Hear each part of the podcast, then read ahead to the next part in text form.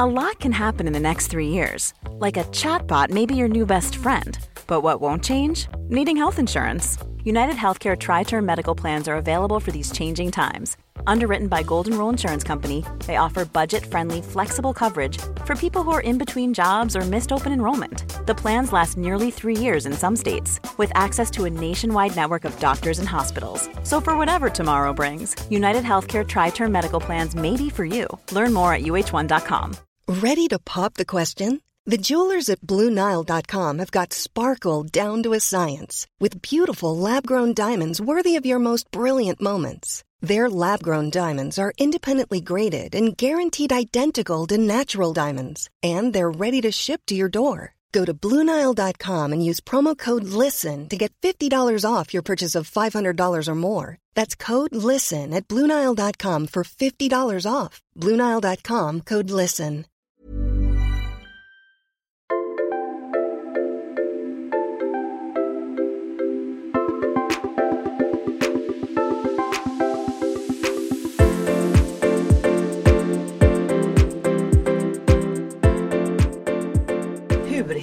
Sitt eget flow?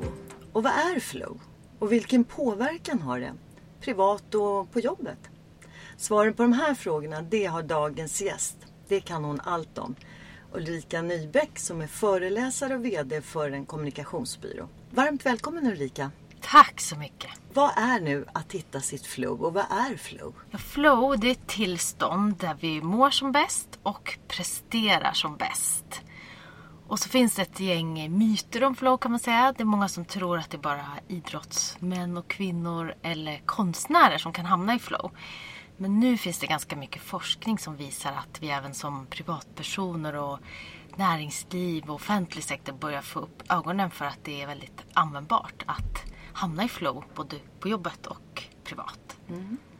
Hur kom det sig att du började grotta ner dig mer i vad flow är? Ja, det är för att sen jag var liten egentligen. Eh, det här var ingen eh, ond avsikt från mina föräldrar.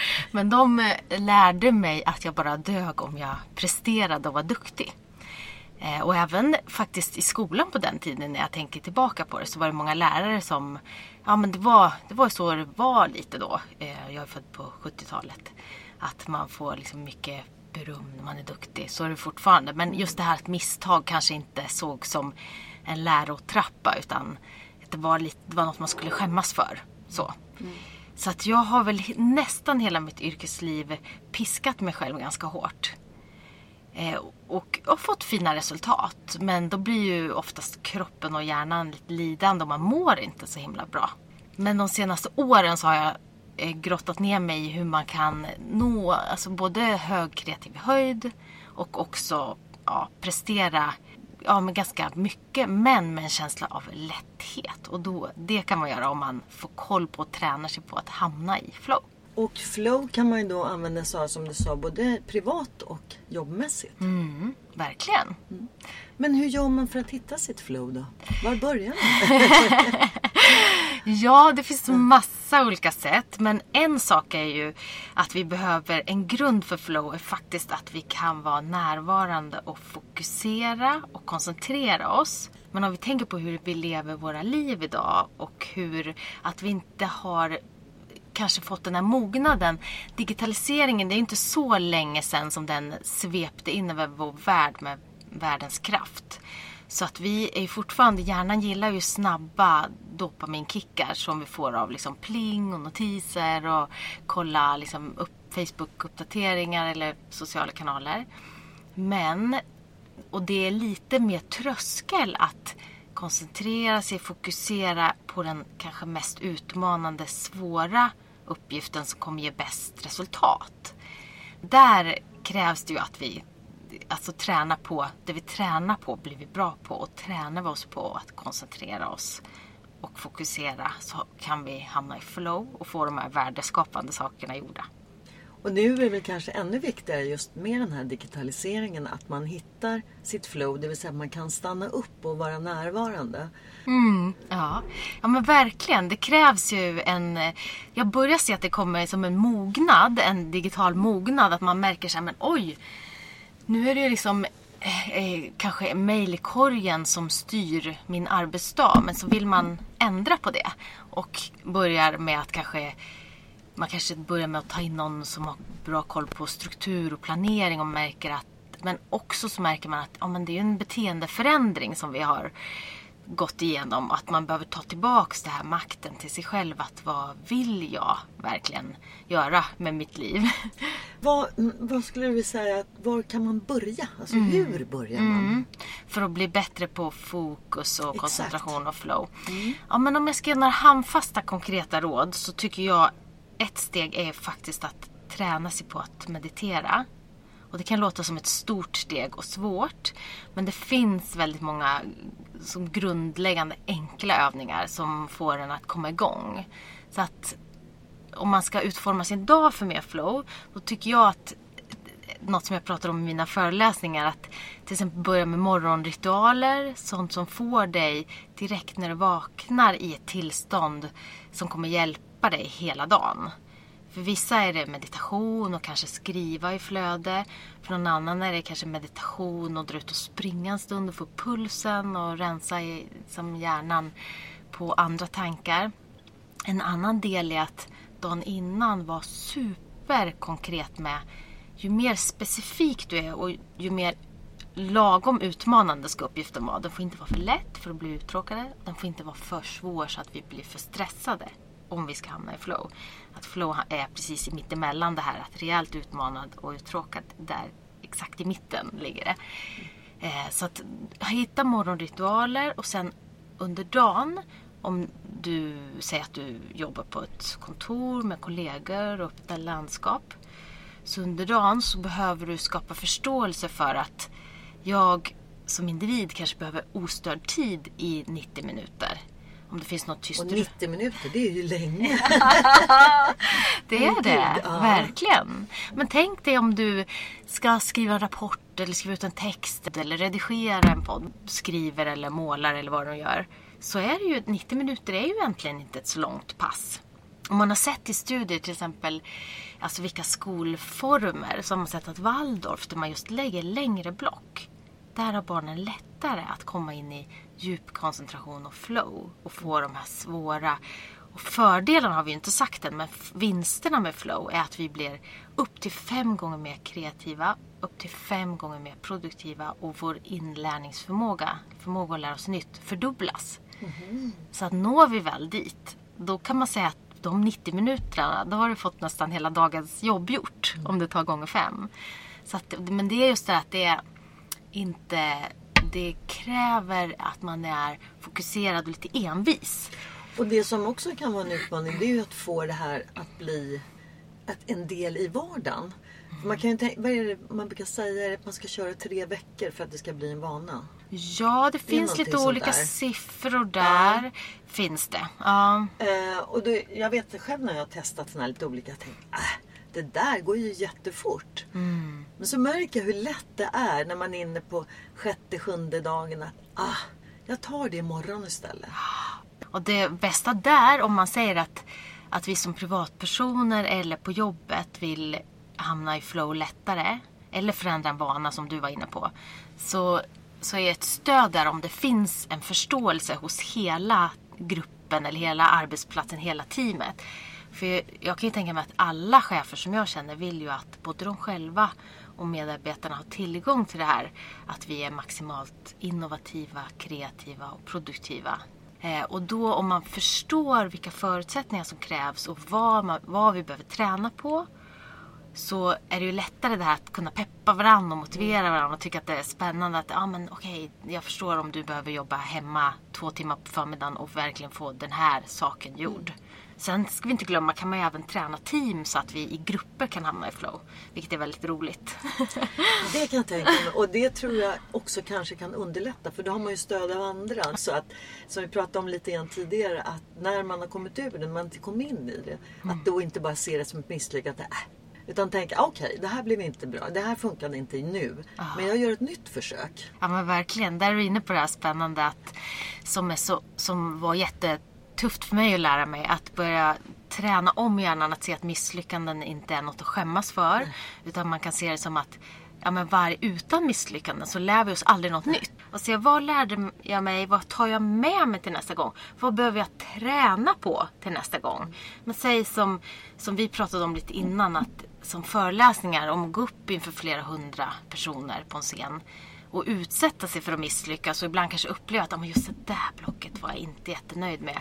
Men att faktiskt att för att gå från att misslyckande känns som skam till att, att det känns som superpositivt kan vara svårt. Mm. Men om man närmar sig och bara vrider lite och vänder och tänker så här. Vad lär jag mig? Vad ska jag träna på nästa gång? Till nästa gång? Behöver jag stöd av någon? Behöver jag liksom en talarcoach? Behöver jag liksom träna mer? Hade jag rätt förutsättningar? Bara det gör ju att det känns som att man redan har en plan och små steg. Jo, men och, och misslyckanden lär man sig av just om man gör den här reflektionen. Mm, För mm. det är mm. klart att om man bara konstaterar att det här blev ett misslyckande och går vidare, då mm. har man ju inte lärt sig något. Nej. Så du måste ju ge dig tid att reflektera. Ja. Och då växer man ju också. Verkligen. Mm. Ja. Nej, men reflektion är ju faktiskt också lite nu börjar det komma tillbaka men det har varit lite bortglömt eftersom vi har så bråttom i vår värld. Ja. Men man glömmer bort att reflektion är en så otroligt viktig del för att faktiskt utveckla verksamheten eller utveckla sig som människa. Vad är mod för dig? Och när jag själv känner mig modig, det är när jag gör, dels gör de saker som jag verkligen, verkligen vill göra. Och då kan det ju ofta innebära att det är lite läskigt. Ja. så, att, så, att, mod och rädsla tycker jag är sammanflätat. Och också att jag är den jag vill vara. Att jag inte fegar ur om det är en grupp som är på ett visst sätt och har ett visst sätt att vara som jag inte känner mig bekväm med. Så egentligen att vara den jag vill vara och att göra de saker jag verkligen, verkligen vill göra. Och som kanske inte konventionerna eller min uppväxt eller något annat säger att jag skulle göra. Du har ju också utmanat dig själv. Till exempel det här med att klättra och hästhoppning. Ja, precis. Jo, men det faktiskt när jag var runt, ja, när jag var yngre, när jag började rida när jag var 12 tror jag. Ja, och det var också det var en sån här stor, stor, stor passion att jag älskade hästar. Men när jag var, jag var barn, när, från när jag var tre så fick jag astma och var allergisk. Men när jag var 12 sa min mamma att ah, men okej, nu är du så stor att du fattar att blir du allergisk så kommer du att kunna sluta utan att bli alltför ledsen. Mm. Så då fick jag börja då eh, och så blev, fick jag bli så stödryttare till en, en Connemara-ponny som var jätteduktig på att hoppa. Ja. så hon blev min läromästare ja, kan man ja. säga. Att hon, hon, var så, hon älskade att hoppa så att hon hoppade allt och verkligen körde på. Så jag fick till en början bara åka med. Mm.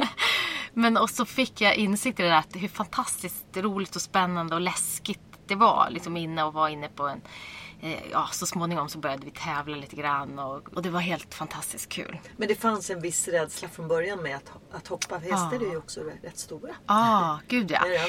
Ja men verkligen. Och skulle jag säga det var ju mycket som var njutningsfullt med ridning men inför varje tävling till exempel så var jag mer eller mindre rädd. Till en början som barn då eller tonåring så var jag så rädd så att jag mådde illa. I början när jag föreläste på stora scener eller ska, när man ska gå in i en livesändning. Uh. Att du vet att man går in och så känner man nästan att det bara herregud vara där och sen är det någon som det går en startsignal och så har man någon minut på sig och ska försöka vara närvarande. Ja. Komma ihåg banan och alla hinder. Ja. Ha koll på hästen, ha koll på sina nerver. Ja. Men det är, det är häftigt att utmana just det man känner.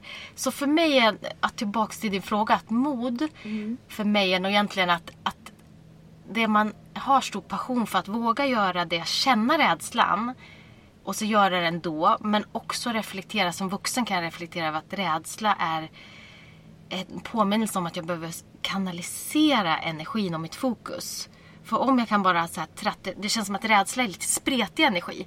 Men kan jag så här, fokusera energin på vad jag ska göra och också släppa egot behöver man göra i flow. Att tänka att jag gör det här till exempel under föreläsningar, jag gör det här för att de som sitter här ska bli inspirerade, lära sig saker, förändra saker, må bättre. Mm. Och då, kan, om jag kan släppa egot, då är det lättare helt plötsligt. Kan, så det gäller att hitta saker som är så här, som, som får skräcken att släppa. Mm. ja, för att eh, rädslan är, kan ju också vara en drivkraft. Ja, ja. Absolut. Mm. Det är det här eh, när det är lite läskigt så känner man att jag vill ju utmana. Men jag, apropå det här med höjder, jag är väldigt höjdrädd. Oh. Och jag vandrade ju då för drygt ett år sedan i italienska alperna. Och det var ju då som sagt var eh, lite mer tufft än vad jag hade trott från början. Men jag gjorde det och det känns ju som en otrolig kick. Gör jag. jag vet att du går på improvisationsteater också. Ja. Varför började du med det och kan du berätta lite mer om det? Ja, Ja. absolut. Jo men det var ett sätt att under Eh, när det här sänds är det ju 2020 så då kommer jag sätta upp lite nya sådana här vad vågar jag inte som jag borde våga för att utvecklas. Men under 2019 så satte jag upp eh, dels att gå på testa improteater för att utvecklas som människa och också i liksom olika yrkesroller som jag har. Eh, och sen så satte jag också upp att eh, våga köra stand-up fast för föreläsare. Att man, eh, man jobbar ju, i alla fall jag jobbar med hela dramaturgin i mina föreläsningar. Att det ska vara eh, fängslande, spännande, man ska lära sig teori och förstå forskningen bakom. Men sen skadar det ju inte om det är roligt ibland, om Nej, publiken får skratta. Så att, det, att gå stand-up för föreläsare handlar ju inte om att allt ska bli ett skämt. För då kan det ju också bli lite för lättviktigt att man avfärdar det. Men däremot så lär vi oss bättre. Ju mer känslor som du och jag lyckas väcka. Om det så är att folk blir lite arga eller provocerade. Eller glada eller lite berörda emotionellt så. Då minns de vad, eller då minns människor vad vi sagt mer. Så därför såg jag att både stand-up och impro var superspännande verktyg att spana in. Just det här som du säger att, att eh, när det kan vara lite tyngre ämnen som kanske forskning eller någonting annat så är det ju lättare att minnas om det finns några lite lustigare episoder som man också kan känna igen. Och eh, i förra veckan så var jag på en paneldebatt som Stockholms handelskammare hade inför Brexit. Det var precis dag, eller inte Brexit eh, utan inför det nyvalet då som var i England. Just. Så det var precis dagen innan. Med eh, mycket, mycket eh, kompetenta och väl insatta personer. Men flera av dem hade en härlig portion humor. Eh, vilket gjorde att eh, den här paneldebatten blev så rolig att lyssna på. Samtidigt som det naturligtvis är en balansgång. Att det får ju inte bli så att det blir för lustigt. Men att man får sig lite, några små glada skratt och lite glimten i ögat. Vilket gör att du memorerar ju betydligt bättre. Eller hur? Ja, Ja. Men det, det krävs en viss skicklighet att kunna hålla det på rätt nivå. Men det är så bra är det. Ja, ja men verkligen. Jag tror på hela den här dynamiken. Att, för, ja, att hitta ett sätt att, om man nu vill nå ut, att hitta vad, är liksom, vad ska vara som tyngd, vad ska vara mer berörande som rör mer åt, ja man kanske har en igenkänning i en, ett, en sorglig del kan det vara också. Men får man känna hela olika känslor på registret så är det, så är det ofta bra. Då kan man också stanna lite i de här teoridelarna, att, att de känns mer värdefulla. When you're ready to pop the question, the last thing you want to do is second guess the ring. At Bluenile.com, you can design a one of a kind ring with the ease and convenience of shopping online. Choose your diamond and setting. When you find the one, you'll get it delivered right to your door. Go to Bluenile.com and use promo code LISTEN to get $50 off your purchase of $500 or more. That's code LISTEN at Bluenile.com for $50 off your purchase. Bluenile.com code LISTEN. There's never been a faster or easier way to start your weight loss journey than with PlushCare. PlushCare accepts most insurance plans and gives you online access to board-certified physicians who can prescribe FDA-approved weight loss medications like Wigovi and Zepbound for those who qualify. Take charge of your health and speak with a board-certified physician about a weight loss plan that's right for you.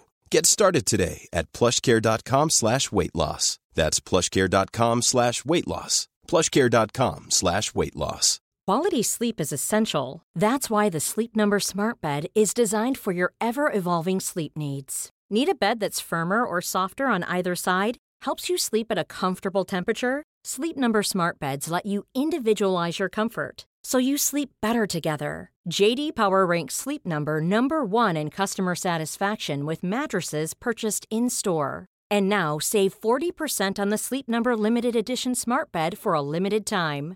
For JD Power 2023 award information, visit jdpower.com/awards. Only at Sleep Number stores or sleepnumber.com.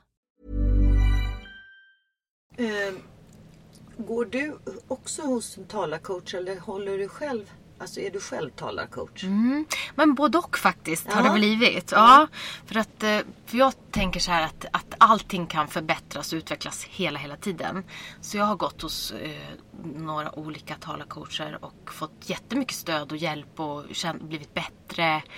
Och när jag började föreläsa så hade jag ganska höga liksom, utvärderingsbetyg från publiken från början. Men jag har sett att det har tickat uppåt med, med de här förbättrings talarcoach och impro och stand-up och så. Och vilket känns roligt. Men framförallt det här när jag satt mål att jag vill att man ska komma ihåg och lära sig och förändra och förbättra så mycket som möjligt efteråt.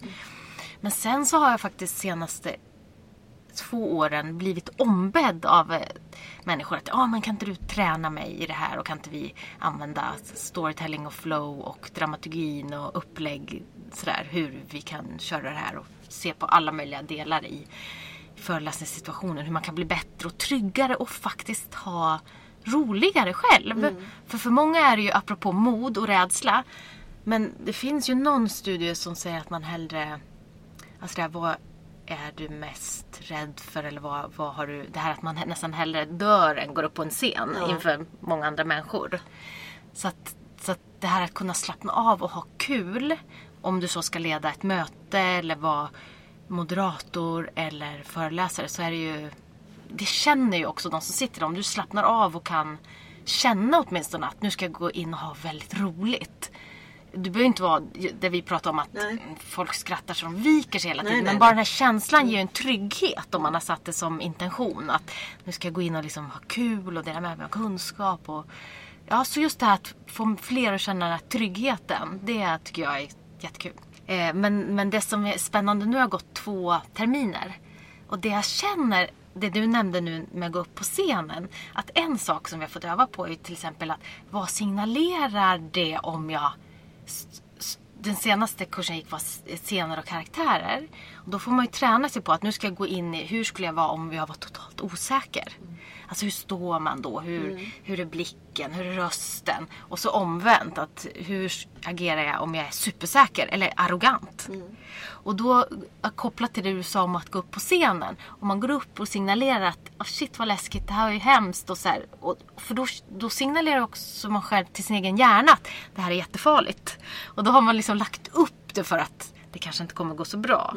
Och omvänt om man går upp och känner hur skulle jag gå upp om jag känner mig trygg och tyckte om de som sitter här. Och, Mm. Ja men absolut, det är, det är jätteintressant och, och det gör ju någonting bara det här med men det är ju sådana klassiker man pratade om tidigare med kroppshållning och, och allting vad man signalerar. Så, inte bara utåt utan även upp till hjärnan. Då. ja. Spännande. Du, jag tänkte på det vi pratade tidigare om det här med meditation. Hur länge har du mediterat? Fem år är det nu. Ja. Gör du det varje morgon eller kväll? Eller? Ja, men varje morgon eh, med få undantag. Och sen så brukar jag fylla på under dagen med eh, beroende på hur dagen är. Vissa dagar är ju mer utmanande än andra och vissa dagar kan man ju ha, man kanske haft ett gäng tuffa veckor bakom sig och känner sig lite trött och splittrad och ofokuserad och då kan jag känna att äh, då går jag undan lite fem minuter då och då. Så finns det till exempel något som kallas box breathing, att man andas som följer en kvadrat. Det är väl lika långa sidor. Ja. Eh, och så, ja, men då har jag några sådana verktyg som jag vet får liksom hjärnan att så här, gå tillbaks till fokus och lugna ner sig och hitta tillbaks till... Så att det är väldigt otroligt användbart. Det är en liknelse eller metafor som man kan tänka. Det är lite som att ha ett fönster som börjar bli så här igendimmat eller smutsigt.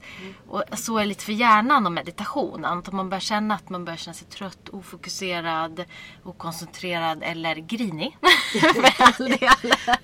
så kan man liksom gå undan, andas och så tänka att liksom, "Åh, det här blir lite som att här putsa av och så fräscha till. Och, En fråga som jag också alltid har med det är naturligtvis vad är framgång för dig?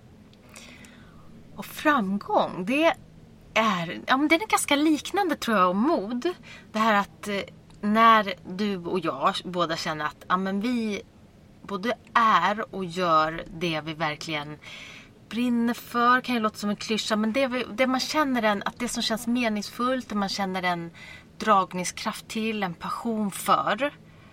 Eh, och att när man vågar vara i det och också vågar tycker jag det här att vara nyfiken på hur kan jag utvecklas? Vad är nästa område jag behöver liksom lära mig mer om? Eller vilka människor vill jag lära känna? Eller vad vill jag lära mig för att, ja, men, ja, för att växa som människa hela tiden? Så jag tycker framgång är att utvecklas, växa som människa, vara det man vill vara och också ägna sig åt det, man, det som känns mest meningsfullt. Jag tänkte också tidigare när vi pratade om mod så vet jag att du talade om att mod kan ju också vara att våga lyfta konkurrenter. Mm. Kan du utveckla det lite grann? ja, det här är spännande med att mod och rädsla är nästan som ett mynt som, jag har, ja, som man kan vrida och vända på. Ja, men jag tror vi pratade om då att jag tränade andra talare och så, sen så märkte jag att det bara hoppade upp en rädsla i mig själv. Så här, men gud, den här människan blir ju jättebra nu. Betyder det att hon kommer... Det var, min hjärna tänkte då lite i begränsning så här att då, nu betyder det att den här personen kommer att ta de här uppdragen istället för mig. Och, då, och så var det en rädsla och sen kunde jag ta ett andetag och bara Nej men vet du vad, det går nog bra för det båda. så ibland mm. kommer man på sig själv så här att det hoppar upp en rädsla. Men så kan man så här, är den här sann? Är den, nej. nej, jag tror faktiskt att det finns så att det räcker till oss alla. Och så tänker jag så här, två perspektiv. Att det ena tänker jag att det känns så mycket bättre för mig själv och säkert för alla andra. Att när man är generös och hjälpsam och hjälper andra att utvecklas. Det är ju en av människans största drivkrafter att, att hjälpa andra att utvecklas. Så dels tänker jag för ens egen skull och för andras skull. Men sen tycker jag märker när jag ser i backspegeln så här, att jag försöker hjälpa och slänga bort egot. Så hoppar egot tillbaks ibland. Det här och skriken och rädsla i örat. Så får man ta ett andetag. Men jag tänker ändå att jag märker att det är också mer Alltså man får också fler uppdrag när man är generös. Mm. För människor minns en som att det här är en, en rolig person att jobba med. Mm. Som är generös och alltid gör, eller liksom är mån om att det ska bli så bra som möjligt. Att det ska bli så att vi ska jobba så smart som möjligt. Så att då Alltså så att det kommer det tillbaka. Det tror jag. Jag tycker jag ser det av liksom. Jag försöker lägga märke till så att ja, men här kom det ett uppdrag. Ja, ah, just det. Och, då, och jag föreläser om storytelling. Men jag kan ju också se att, eh, att de företag som, som bjuder på kunskap och expertis och berätt, trendspanar och de uppfattas ju. Dels delar de ju stories som i, när de gör det rätt är trovärdiga, autentiska och äkta. Eh, och då får det ju i sig blir det en attraktionskraft om man säger att men vänta nu, de här verkar ju vara tankeledare inom det här området. Och, så, och det i sig blir ju en attraktionskraft. Mm. Så att, ju, att sitta och hålla på saker känns ganska omodernt. Mm. Instämmer. du, vi ska snart avrunda. Eh, men jag tänker, kan du bara ge någon liten kort summering? Vad skulle du vilja mm vi pratade om det i början där. Hur börjar man för att hitta sitt flow? Men kan mm. du bara ge mm, till exempel fem tips. Mm. Det här mm. med flow. Hur kommer jag igång med meditation? Bara, var börjar jag någonstans? Mm. I vardagen? Alltså. I vardagen, ja. absolut. För det kan jag ju ha nytta av som sagt både privat och i mitt mm. jobb. Va? Men hur börjar jag? Hur kommer jag igång? Ja, men rent konkret, dels tycker jag att som summering att man kan minnas det här att det är värt mödan. För att det krävs ju ett fokuserat jobb för att hamna i flow. Men vi kan minnas att vi kan bli upp till fem gånger mer kreativa och fem gånger mer produktiva och fördubbla vår förmåga till att lära oss nytt. Så det kan man ju ha som morot om man vill framför ja. sig. Men sen kan man strukturera dagen så här att jag tänker att de flesta vardagar eller om man är pensionär så kan det ju gälla liksom alla dagar. Att man har någonting som är väldigt värdefullt för en själv att få gjort. Och det är ju så brukar man kalla det för deep work. Och deep work kräver koncentration och fokus. Men är, och, och är väldigt, väldigt belönande när vi väl... Det är där vi liksom skriver den här analysen eller en, en bok eller kommer fram till något resultat i forskningen eller alltså någonting som ger ett värde för fler. Så det är värt det här fokuset. Men om jag ska bryta ner det till handfasta tips så är det att redan dagen innan bestämma sig för vilken specifik sak som du absolut vill gå in med fokus och närma dig flow på. Så det är steg ett. Och sen på morgonen köra någon flow morgonritual. Att prova meditera som du sa minst 30 dagar. Men börja i, liksom inte för utmanande. Kanske börja med fem minuter som sen blir tio minuter. Och ta stöd. Och sätta upp mål så att, du, så att när meditationen känns kanske svår eller meningslös. Se till att du får kunskap om hur du gör. Och sen under dagen, det har vi faktiskt inte pratat om, men för att hamna i flow så krävs det till en början har man stor användning av den här som kallas pomodoro-teknik. Pomodoro-teknik, vad är det? och pomodoro kommer från en forskare som eh, satt en timer som är som en tomat då. Men att man koncentrerar sig, fokuserar 25 minuter. Sen tar fem minuter paus där man slappnar av och tänker på ingenting. Inte går in i sociala kanaler. Nej. Och sen 25 minuters superfokuserat arbete. Och sen fem minuter paus. Och sen upprepar det i så många block under till exempel 90 minuter. Och då tänk så här, fokus, paus, fokus, 25, paus, 5. Så de här 25 minuterna då är, då är, är man fokuserad på någon typ av arbetsuppgift. Det är Mm. inte så att man bara sitter och mediterar utan man gör någonting under de här 25 minuterna. Precis. Sen tar du fem minuters paus Exakt. och släpper allting. Yes. Och de här fokusblocken, det är liksom de här som vi pratade om innan, de här 90 minuterna när du vill åstadkomma det här lite utmanande jobbet, få det gjort. Då använder du den här pomodoro-tekniken. Så nu är vi på jobbet eller hemma privat där du verkligen vill göra någonting eller lära dig något som är lite klurigare. Då använder du den här pomodoro-tekniken fokuspaus. Och då kan jag säga att när man har tränat på den tillräckligt länge, det kan ta veckor, det kan ta månader. Men då blir det till slut så här fokus, paus, fokus, paus, flow, paus. Flow, alltså då går de över i. Och, när, och då kanske någon undrar så här, hur vet jag om det var flow? Då kan jag säga så här, när det känns väldigt lätt, när tiden försvinner, det kan kännas som att den snabbar på eller saktar in, går i slow motion. Att, men att om du och jag sitter här och så märker vi efter ett tag, wow, har det gått tre timmar? Vad Ja, hände? ja. Ja. men då var det något som försvann. Alltså, vi var så inne i det vi gjorde att då var det flow. Så att, det finns ett antal kriterier för det då. Att det känns lätt, till exempel, att det känns lä- en känsla av lätthet. Egot försvinner, de här kritiska rösterna. Att, hur sa jag nu egentligen? Alltså de tystnar. Och ehm, ja, så det finns ett antal kriterier där. Men så, så under dagen testar de här pomodoro-grejerna. Och sen tycker jag att i slutet av, eller så här snarare, det finns en, de här tipsen som vi var ute efter. Ett tips till är att när det väl blir jobbigt, för det blir det, när det blir svårt och jobbigt. Då finns det något som jag kallar för flow-frågor. Man kan kalla dem massa andra saker. Men det är lösningsorienterade frågor. För vår hjärna är ju lite som en glad hundvalp. Att den vill gärna hjälpa till. Så att om du frågar dig själv så här, varför var jag så himla korkad? Då kommer den svara på det. Men flow-frågor handlar snarare om så här, hur, hur skulle jag göra om jag löste den här uppgiften på 10 minuter? Eller hur skulle jag göra om jag skrev ut den här texten med lätthet? Så det är frågor som öppnar upp och som och hjärnan bara, jag vet, då gör jag så här. För eftersom den är lite som en hundvalp. Så det är, en, det är en, en motståndsdelen i flow. För det blir ju det är mer öppna frågor då. Det är det det Ja. handlar om. Alltså, tänker jag. Och just att man Precis. inte lägger någon värdering i frågan. Ja, absolut. Öppna frågor och som är frågor som öppnar upp för lösningar. Ja, precis. Så inte som egot kan ju ofta fråga sig, hur kunde det vara så korkat? Ja, precis. Då svarar har man på det. Då har man stängt den och också. då har Ja. man stängt, det är ju ingen öppen för. Plus att Exakt. du har ju också lagt en värdering. För du har Just sagt, det. men hur kunde du vara så korkad? Ja, ja verkligen. Ja. Ja, verkligen. Så att egentligen som korthet är att man kan Mm. på, på kvällen då bestämma sig för vad det är man ska utmana. Fokusera fokusera på. Ja, nästa mm, dag. exakt. Och sen på morgonen meditera kanske att Mm. man börjar fem minuter då. Till att börja med. Och sen att man försöker ta några pauser under dagen enligt den här pomodoro-tekniken. Men att Precis. ta paus, fokusera 25 minuter. Men man kan ju börja kanske med lite kortare tid. För att komma igång. Precis, och det blocket kan vi säga, om det ena är, kvällen innan är ju mer skapa planen för exakt vad du ska fokusera på. Ja. Morgonen, de här flow-ritualerna är till för att sätta dig i tillstånd. För alltså ska få dig fokuserad på, okej det här, att hjärnan blir som bäst.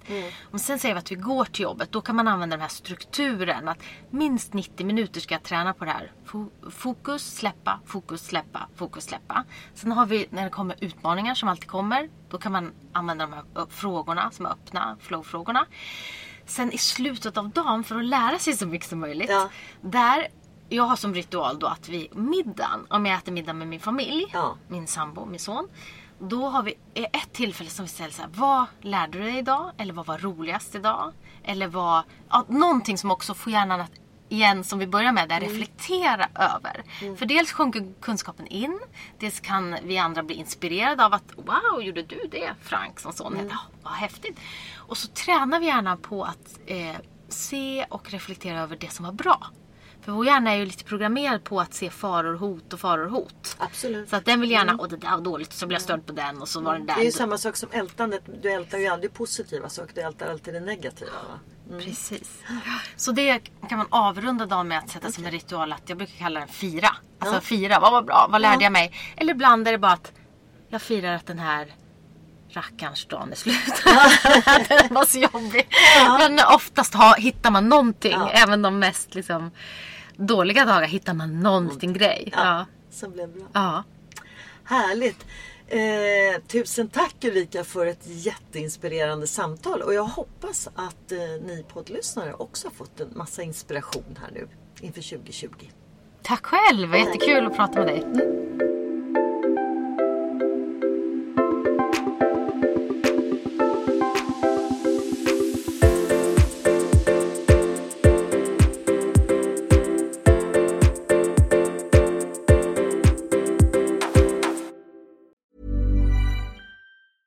A lot can happen in three years, like a chatbot may be your new best friend. But what won't change? Needing health insurance. United Healthcare Tri Term Medical Plans, underwritten by Golden Rule Insurance Company, offer flexible, budget friendly coverage that lasts nearly three years in some states. Learn more at uh1.com.